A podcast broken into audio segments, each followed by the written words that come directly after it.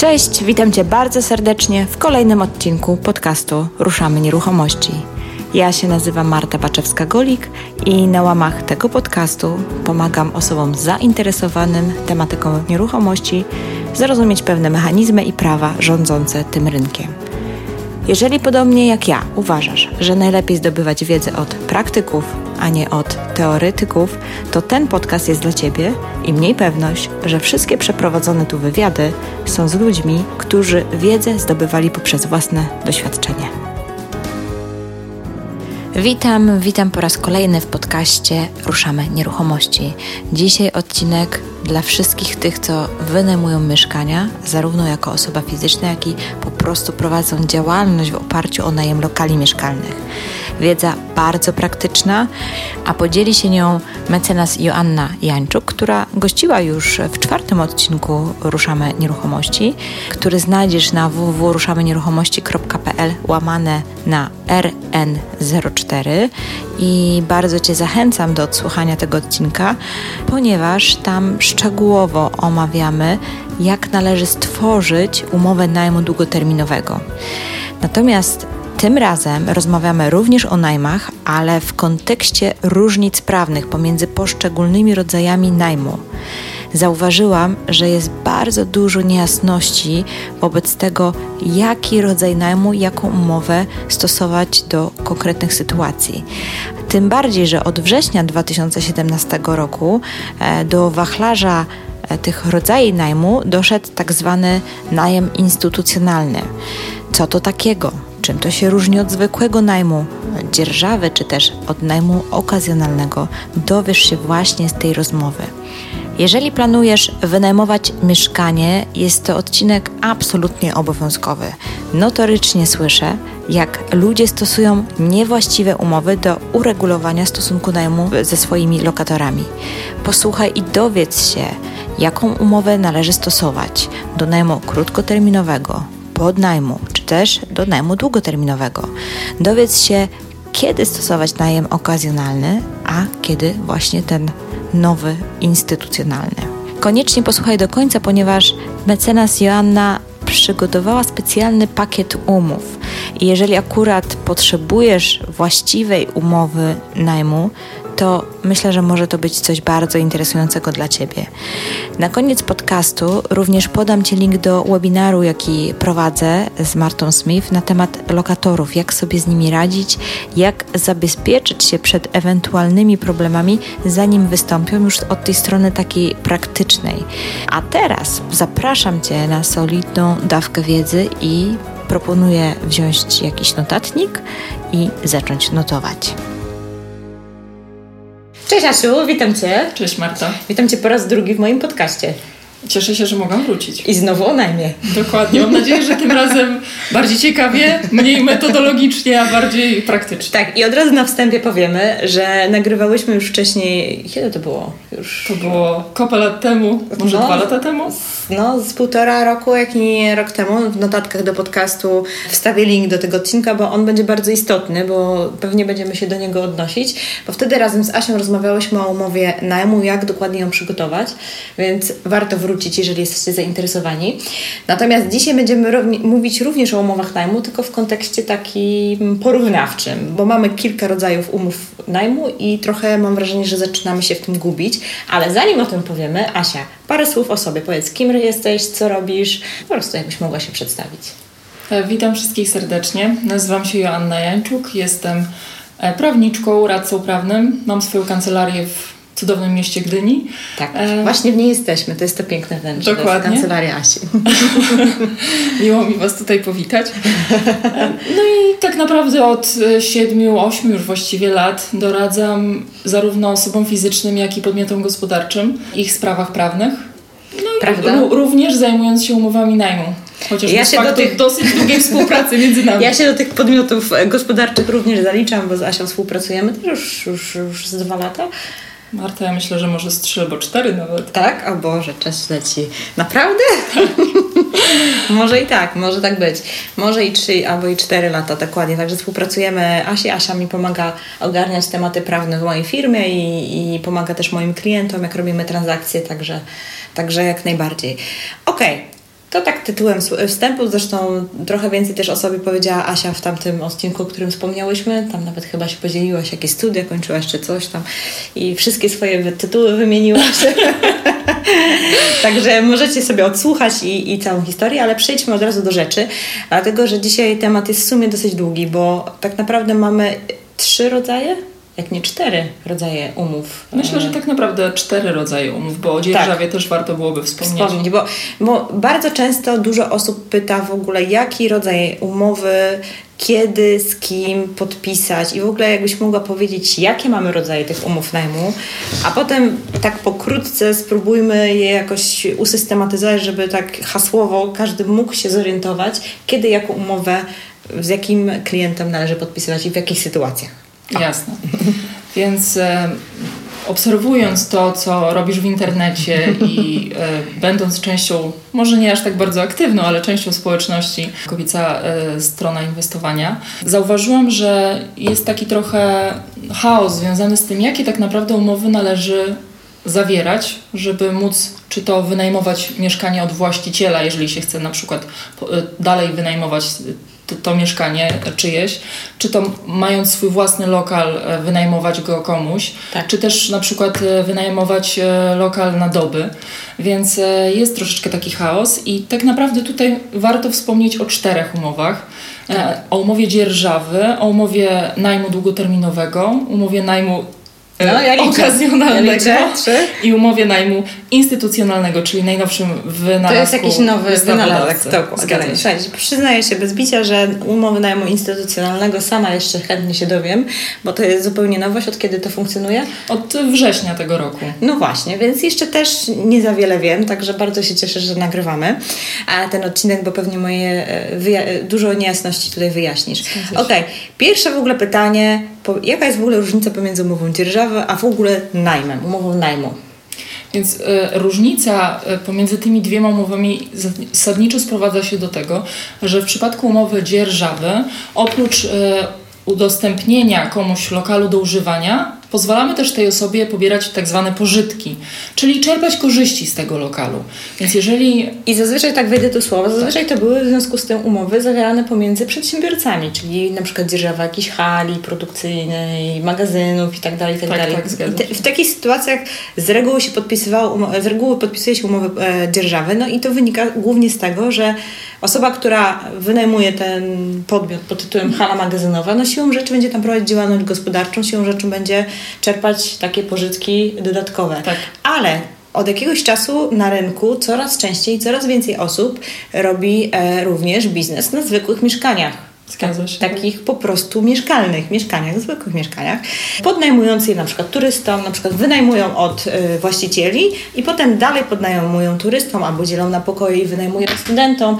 I czy w takich sytuacjach również powinna być umowa dzierżawy, czy to jest zwykły najem? Bo tu mam wrażenie jest najwięcej takich niejasności i znaków zapytania. W mojej ocenie powinna to być umowa dzierżawy. Jeżeli e, ktoś chce prowadzić tego rodzaju biznes, chociaż tutaj oczywiście nie determinujemy jeszcze, czy to już jest działalność gospodarcza, czy jeszcze nie, Mhm. Ale jeżeli ktoś na przykład ma taki pomysł, że chce zacząć swoją przygodę z rynkiem nieruchomości i z inwestowaniem w nieruchomości, chce znaleźć kogoś, kto ma mieszkanie, które on może wynająć i mhm. zacząć robić biznes na tym mieszkaniu, czyli wynajmować go na doby, czy wynajmować go e, na jakieś dłuższe okresy, ale czerpiąc po prostu z tego właśnie te pożytki, o których mówiłam, to powinna to być umowa dzierżawy, tak żeby właściciel, który udostępnia lokal do używania, wiedział, że ta osoba też chce zarabiać na tym mieszkaniu, żeby sytuacja była jasna. Ja osobiście spotkałam się wiele razy, że ludzie podpisują normalną umowę najmu, z tym, że tam zaznaczają sobie prawo do dalszego podnajmowania, tylko tak naprawdę to prawo do dalszego podnajmowania w takiej zwykłej umowie najmu nie powinno być zarobkowe. Tak? Zgadza się. Czyli na przykład jeżeli jest sytuacja, że rodzice wynajmują mieszkanie studentowi, dwupokojowe, student mieszka w jednym pokoju, a na przykład bierze sobie kumpla czy koleżankę do drugiego pokoju tak. i tak naprawdę się zrzucają na koszty, żeby to, rozdzielić koszty najmu tego mieszkania, no to w tym momencie ten student czy ci rodzice nie czerpią pożytku z tego mieszkania i oni podpisują zwykłą umowę najmu. Czy ja to dobrze rozumiem? Tak, co do zasady tak. Okej, okay. ale gdyby ci rodzice, nie wiem, wynajęli pięciopokojowe mieszkanie, w jednym posadzili dziecko, czterech inne pokoje wynajęli i już by mieli z tego e, przychód jakiś, e, to, to wtedy powinno to być umowa dzierżawy, tak? Tak, w szczególności gdyby na przykład te cztery pozostałe pokoje były wynajmowane z większym zyskiem, ponieważ na przykład byłyby wynajmowane dobowo. Więc wówczas Dokładnie. cel jest jasny. Chodzi o zarabianie na, na tym lokalu. Czyli podsumowując, umowa dzierżawy w momencie, gdy wynajmujemy od kogoś lokal po to, żeby na nim zarabiać. Zgadza się. Niezależnie od tego, czy to jest jakaś produkcja, czy to jest też dzierżawi się często ziemię rolną, tak? Czyli, czyli tam też się czerpie pożytek, bo się produkuje plony. Z maszynami się czasami dzierżawi, wtedy właśnie tak. z tych maszyn też jest Dokładnie. E, ale też dzierżawimy mieszkania, z których czerpiemy pożytki w postaci właśnie dalszego podnajmu, odnajmowania i w momencie, gdy na nich zarabiamy. Okej, okay. Świetnie. No dobra, to przejdźmy jeszcze do dwóch kolejnych. tak, właściwie y, trzech, y, zbiorczo nazwanych najmem, tak. ale tutaj możemy mówić po prostu o najmie długoterminowym, albo o dwóch formach najmu, najmu nieokazjonalnym i najmie instytucjonalnym, które pomagają zabezpieczyć nasz interes jako osoby, która udostępnia ten lokal. Okay. Ponieważ co jest największym zawsze problemem związanym z wynajmem lokali? Właśnie to, że najemca nie chce opuścić lokalu, kiedy przestaje płacić albo kiedy się umowa kończy. No i tak, te dwie i formy mają pomóc. To jest, y, o eksmisji też mam jeden odcinek nagrany, także będziemy odsyłać do, do, do, do, do, podcastu, do podcastu eksmisji, jeżeli Was interesują same zagadnienia, jak już tych takich nieznośnych najemców, którzy nie płacą i w ogóle jeszcze robią szkody i w ogóle tragedia, e, wyeksmitować, to link również do tego odcinka podam, więc nie będziemy dzisiaj mówić o eksmisji, ale będziemy mówić o umowach, które mogą Was zabezpieczyć przed takimi sytuacjami. Oczywiście nie w 100%, bo w 100% to chyba nigdy nie ma takiej sytuacji, mhm. no, ale mogą tak. bardzo mocno zminimalizować to ryzyko. I to jest coś takiego, co ustawodawca wprowadził pod tytułem najem okazjonalny i teraz od września wszedł jeszcze najem instytucjonalny. Powiedz mi, jakie są w ogóle różnice pomiędzy tymi dwoma rodzajami umów? Ale teraz chciałabyś usłyszeć o różnicach pomiędzy najmem okazjonalnym i instytucjonalnym, czy najmem zwykłym i tymi dwoma? Może wszystkie. tak ogólnie, wejdźmy na jakiś poziom ogólności, później Dobrze. będziemy od ogółu do szczegółu, tak? Czyli mamy, e, jeżeli mówimy o najmie długoterminowym, mamy trzy rodzaje umów. Zwykły najem, okazjonalny, okazjonalny i instytucjonalny. To więc może tak, żeby to rozróżnić.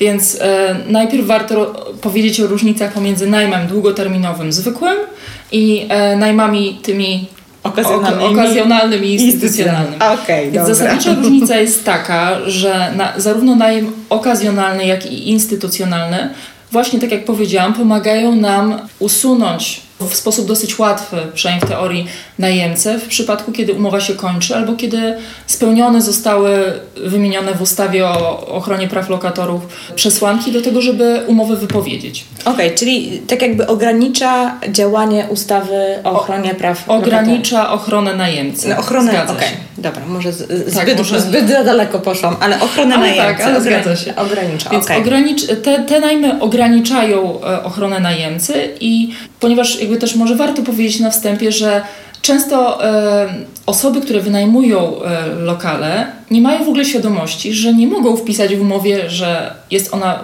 w, może być ona wypowiedziana za jednomiesięcznym okresem wypowiedzenia. To jest standardowy zapis, tak. natomiast tego rodzaju zapis nie jest zgodny z przepisami prawa, ponieważ ustawa właśnie o ochronie praw lokatorów konkretnie wskazuje, w jakich przypadkach taką umowę najmu z e, osobą fizyczną, która wynajęła lokal w celach mieszkaniowych, mhm. można wypowiedzieć.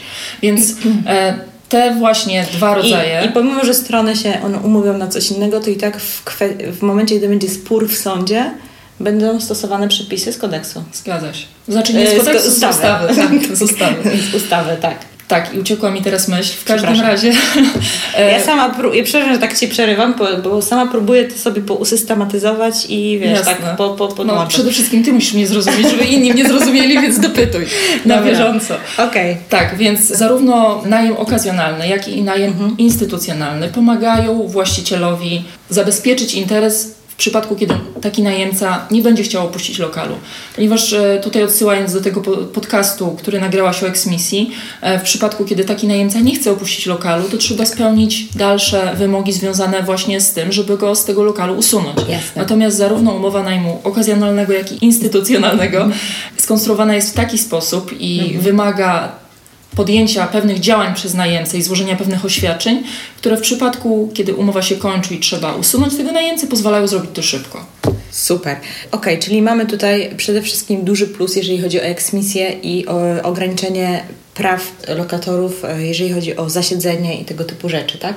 Ok, a prze, przejdźmy teraz w takim razie bardziej do szczegółów. Tak. Jaka jest w ogóle różnica pomiędzy instytucjonalnym a okazjonalnym? Kiedy, Więc, się, kiedy którą umowę tak. się stosuje? W jakich sytuacjach i kto może stosować taką umowę? Więc to jest właśnie nowość, która jest od września. Września 2017. Jak tak. oglądacie, nie wiem, rok później, to... Dokładnie.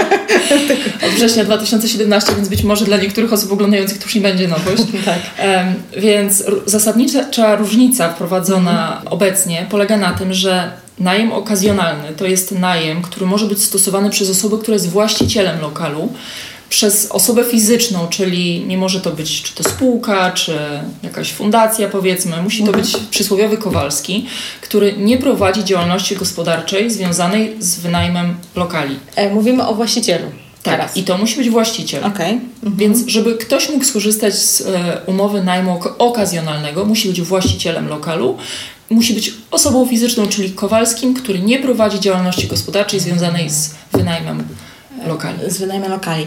Świetnie. Czyli jednym słowem jest to taki rodzaj umowy pomyślane o po prostu zwykłych ludziach, którzy mają po prostu, nie wiem, mieszkanie, wybudowali sobie dom, tego mieszkania nie chcą sprzedawać, tylko chcą zachować dla dziecka, więc je sobie wynajmują i wtedy stosują najem okazjonalny, tak? Czyli jest to bardziej taki najem skierowany do po prostu zwykłych ludzi, którzy weszli w posiadanie albo dostali w spadku jakieś dodatkowe mieszkania i tak dalej. Nie dla osób, które myślą w kontekście nieruchomości biznesowym, tak? Tak, tak. I nimi zarządzają. Ok, czyli rozumiem, że instytu instytucjonalny pewnie jest dla tego biznesu. Tak. Ale opowiedz. E, więc tak jak już tutaj zaczęłaś e, logicznie rozmować, e, rzeczywiście najem instytucjonalny jest dla osób fizycznych, osób prawnych e, i jednostek organizacyjnych nieposiadających osobowości prawnej, mówiąc skrótowo językiem prawniczym, czyli okay. tak naprawdę dla wszystkich, bo do tego to się sprowadza, okay. E, dla wszystkich, którzy prowadzą działalność gospodarczą związaną z najmem lokali. I tutaj nie ma tego wymogu bycia właścicielem lokalu, więc e, to jest taka umowa pomyślana dla osób, które chcą inwestować w nieruchomości i na przykład właśnie... teraz mnie zastanowiło to, co powiedziałeś, tak. że nie ma wymogu, e, że musisz być właścicielem lokalu. Czyli na przykład w przypadku osób, które na przykład zajmują się podnajmem, mają już działalność gospodarczą, wynajmują, dzierżawią mieszkania od właścicieli i podnajmują dalej na przykład e, na długoterminowy najem, to oni też już powinni stosować umowy instytucjonalne? Tak, jeżeli chcą właśnie tych e, zabezpieczeń, A. które najem instytucjonalny oferuje. Okej, okay, rozumiem. Bo, naj, bo nie mogą stosować najmu okazjonalnego z racji tego, że prowadzą działalność związaną z tym biznesem. Dobra. I nie są właścicielem. I nie są właścicielem. Zgadza się. Mam nadzieję, że wy podążacie za tym. Ja też mam taką nadzieję. Trzeba będzie jakiś wykres, mapę chyba zrobić tego wszystkiego, czy coś. Pomyślę, pomyślę o jakichś notatkach sensownych do tego. Czyli e, jeszcze raz tylko w jednym zdaniu podsumowując. Najem okazjonalny jest dla właścicieli, którzy są przysłowiowym Kowalskim, nie prowadzącym działalności gospodarczej w zakresie najmu, którzy na przykład, tak jak powiedziałaś, mają jakieś jedno mieszkanie, chcą je w bezpieczny sposób wynająć i wynajmują, zawierając umowę najmu okazjonalnego.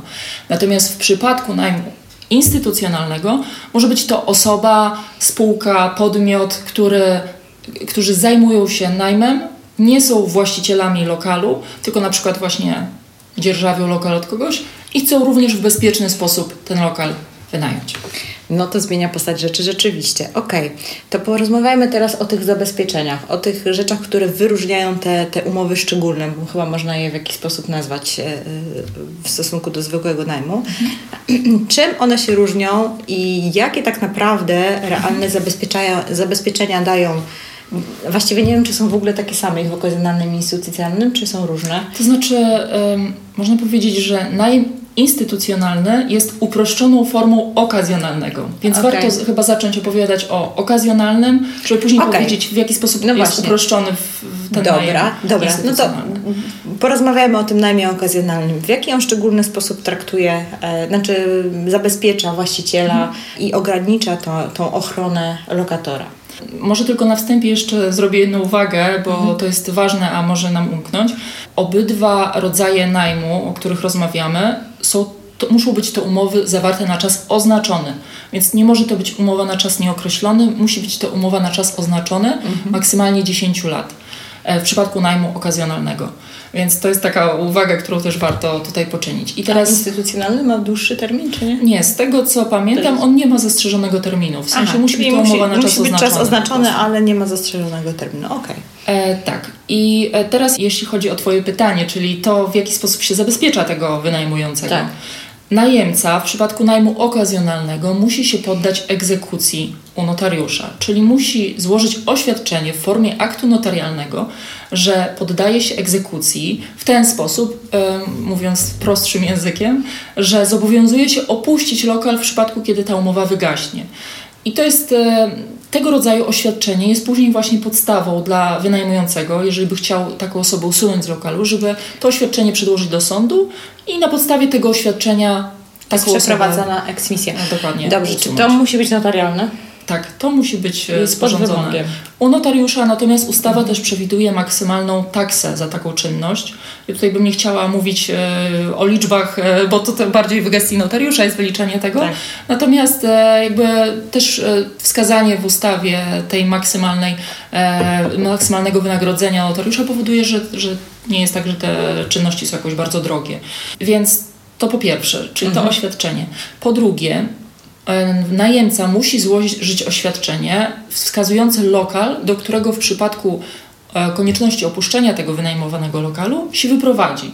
Więc musi powiedzieć, tutaj mam taki lokal mm -hmm. pod takim i takim adresem, e, okay. do którego jak coś to się wyprowadzę. I po trzecie, musi być złożone oświadczenie przez osobę, która jest właścicielem tego lokalu albo ma tytuł prawny do tego lokalu trzeciego, do którego się najemca wyprowadzi, w której ta osoba wyrazi, w którym oświadczeniu ta osoba wyrazi zgodę na to, że ten najemca będzie mógł się tam rzeczywiście wprowadzić. Okej, okay, czyli trzy rzeczy.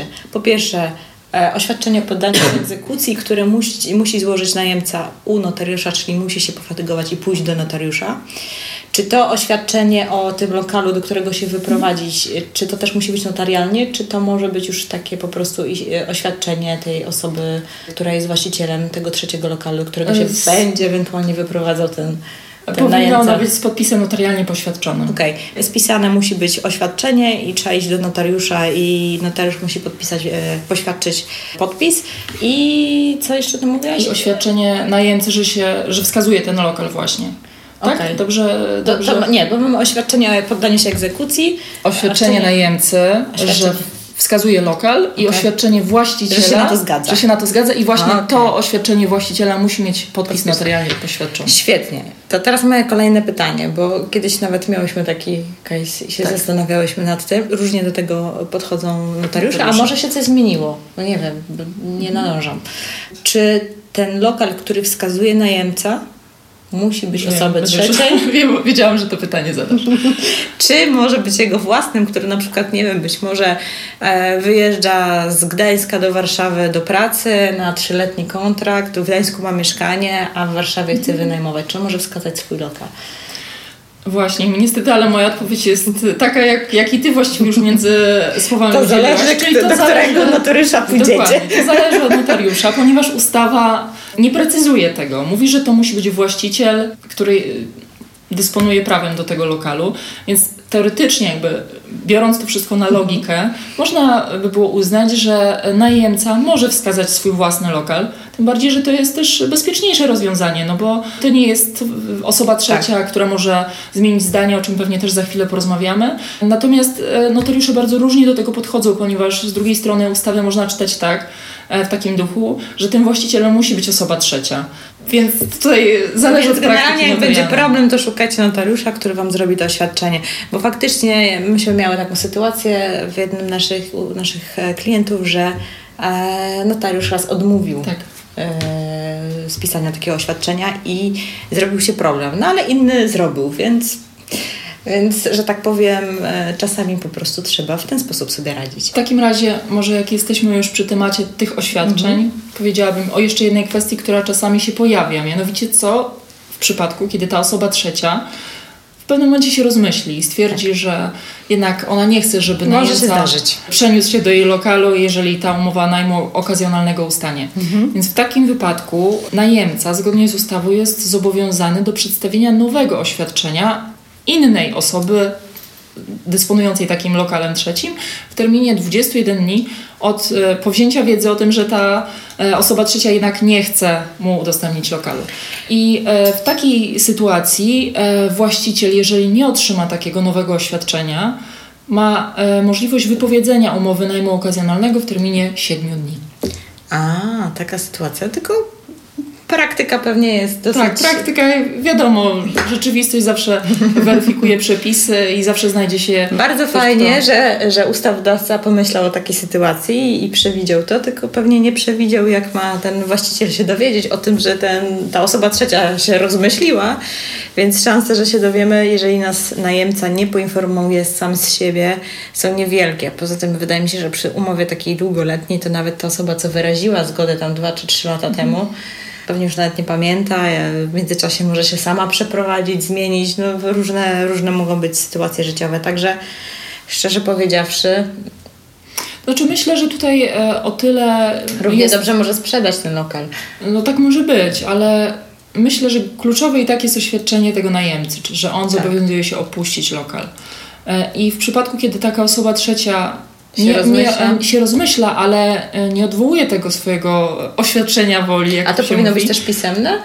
W mojej ocenie tak, że, żeby mhm. była jasność, że, że się ta osoba już nie deklaruje do... No jeżeli ktoś jest bardzo skrupulatny i dba mocno o swoje interesy, co w sumie nie tak. jest częste, ale, ale się zdarza, no to tak naprawdę wiedząc przecież dla kogo, wobec jakiego mhm. wynajmującego się zobowiązuje do tego, że przyjmie tego najemcę, może bezpośrednio nawet temu wynajmującemu wysłać e, listem e, informację, że on się e, nie zgadza, bo najczęściej tą osobą trzecią jest ktoś z bliskich najemcy, więc tak. Więc często ma, ma wiedzę na temat wynajem, wynajmującego. Okej, okay. dobra, ale mamy taką, taką, taką dodatkową ochronę. Czy ona jest praktyczna? Nie wiem. Nie testowałam. Jeszcze też nikt z moich klientów nie mówił mi o takiej sytuacji, że na przykład ktoś się rozmyślił i, i, i trzeba było nowe oświadczenie.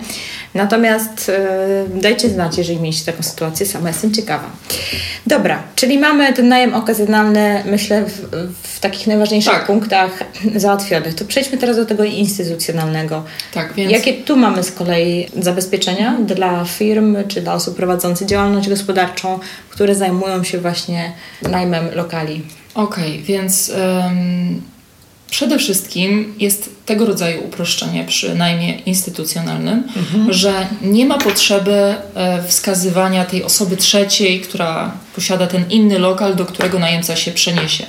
Więc wystarczy, że najemca złoży oświadczenie, w którym po pierwsze podda się egzekucji, czyli oświadczy, że opuści lokal w przypadku zakończenia e, umowy, a po drugie oświadczy, że ma świadomość, iż nie będzie mu przysługiwał lokal socjalny czy jakieś inne miejsce, czyli że nie jest objęty tą ochroną praw lokatorów z ustawy. Super.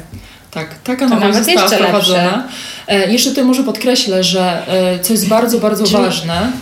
Wszyscy inwestorzy nieruchomości to jest naprawdę świetna wiadomość, mi się wydaje. Myślę, że tak, chociaż no. dopiero w praktyce będą się wdrażać w, te, w te, ten rodzaj umowy, bo to jest, tak jak powiedziałam, nowość. Ale tylko a. jedną ważną rzecz, Marta, mhm. powiem, bo zapomnę, a to też jest bardzo, bardzo ważne. W przypadku najmu okazjonalnego, żeby to wszystko działało, i żebyśmy mieli ochronę jako wynajmujący, musimy w terminie 14 dni od zawarcia tej umowy zgłosić tak. fakt jej zawarcia do Urzędu Skarbowego. Więc jeżeli takiego zgłoszenia nie będzie, to nawet jeżeli będziemy mieć oświadczenia najemcy, oświadczenia osoby trzeciej, nie będziemy mogli później pójść do sądu i e, uzyskać e, klauzulę, która pozwoli usunąć tak. najemcę z lokalu. Mhm.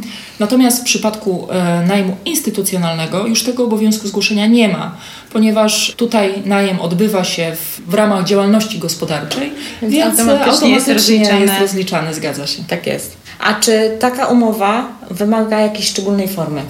W przypadku e, najmu instytucjonalnego ustawa przewiduje, że to musi być forma pisemna pod tak zwanym rygorem nieważności, czyli w przypadku... Ale notarialna? Nie. Nie, notarialna nie musi być, natomiast okay. oświadczenie najemcy musi być Ale przy okazjonalnym. formie. Nie, tutaj też musi być w formie Aha. aktu notarialnego. Aha, Może to, że... nie to powiedziałam. Dobra, Mówię dobra, o to jeszcze raz.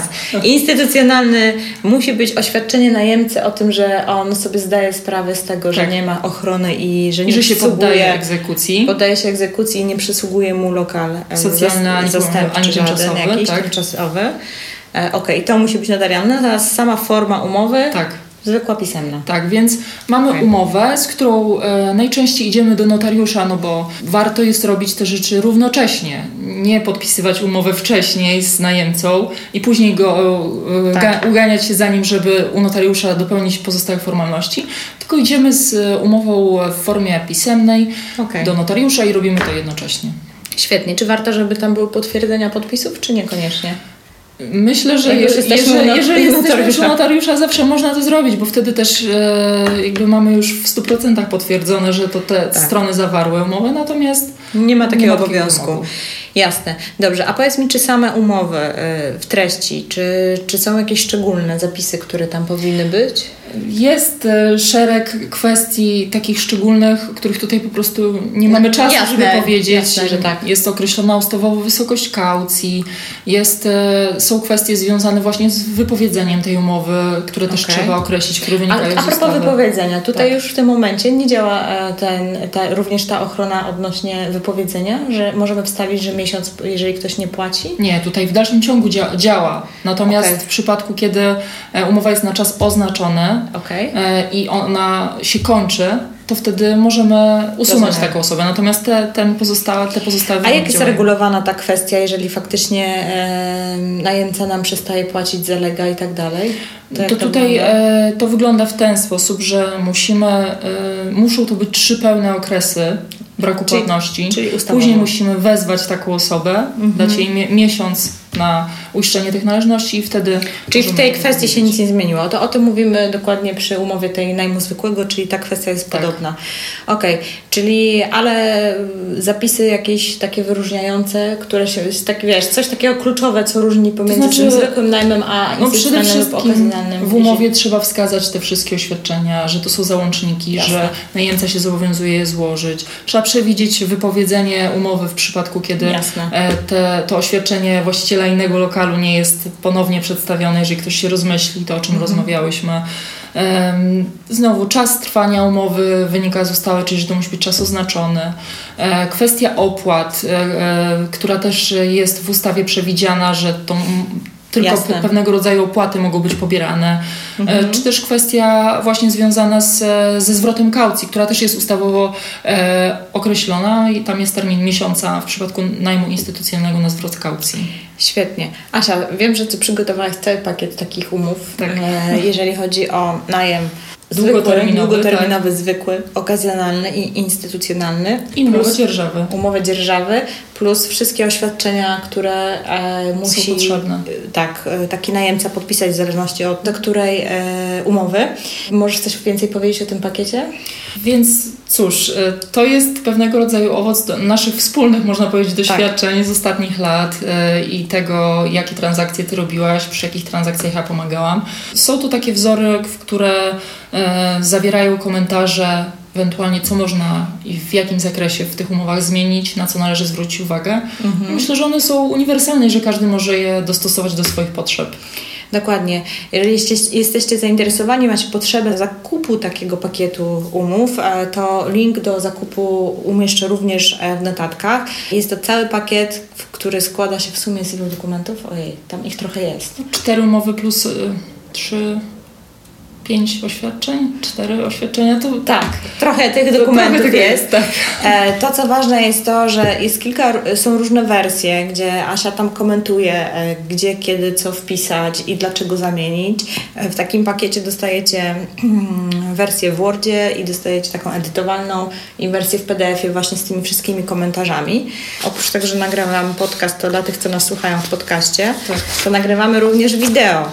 I na przykład tutaj mamy taką umowę, gdzie mamy dokładnie treść umowy po tej stronie i wszystkie rzeczy, które są podkreślone, tu są komentarze Asi, dlaczego coś jest wstawione, więc jak sobie sami zredakujecie tą umowę, to będziecie wiedzieć, co dokładnie należy wpisać, gdzie i ewentualnie jak wyedytować, zmienić pod własne potrzeby. W, niektóre, Także...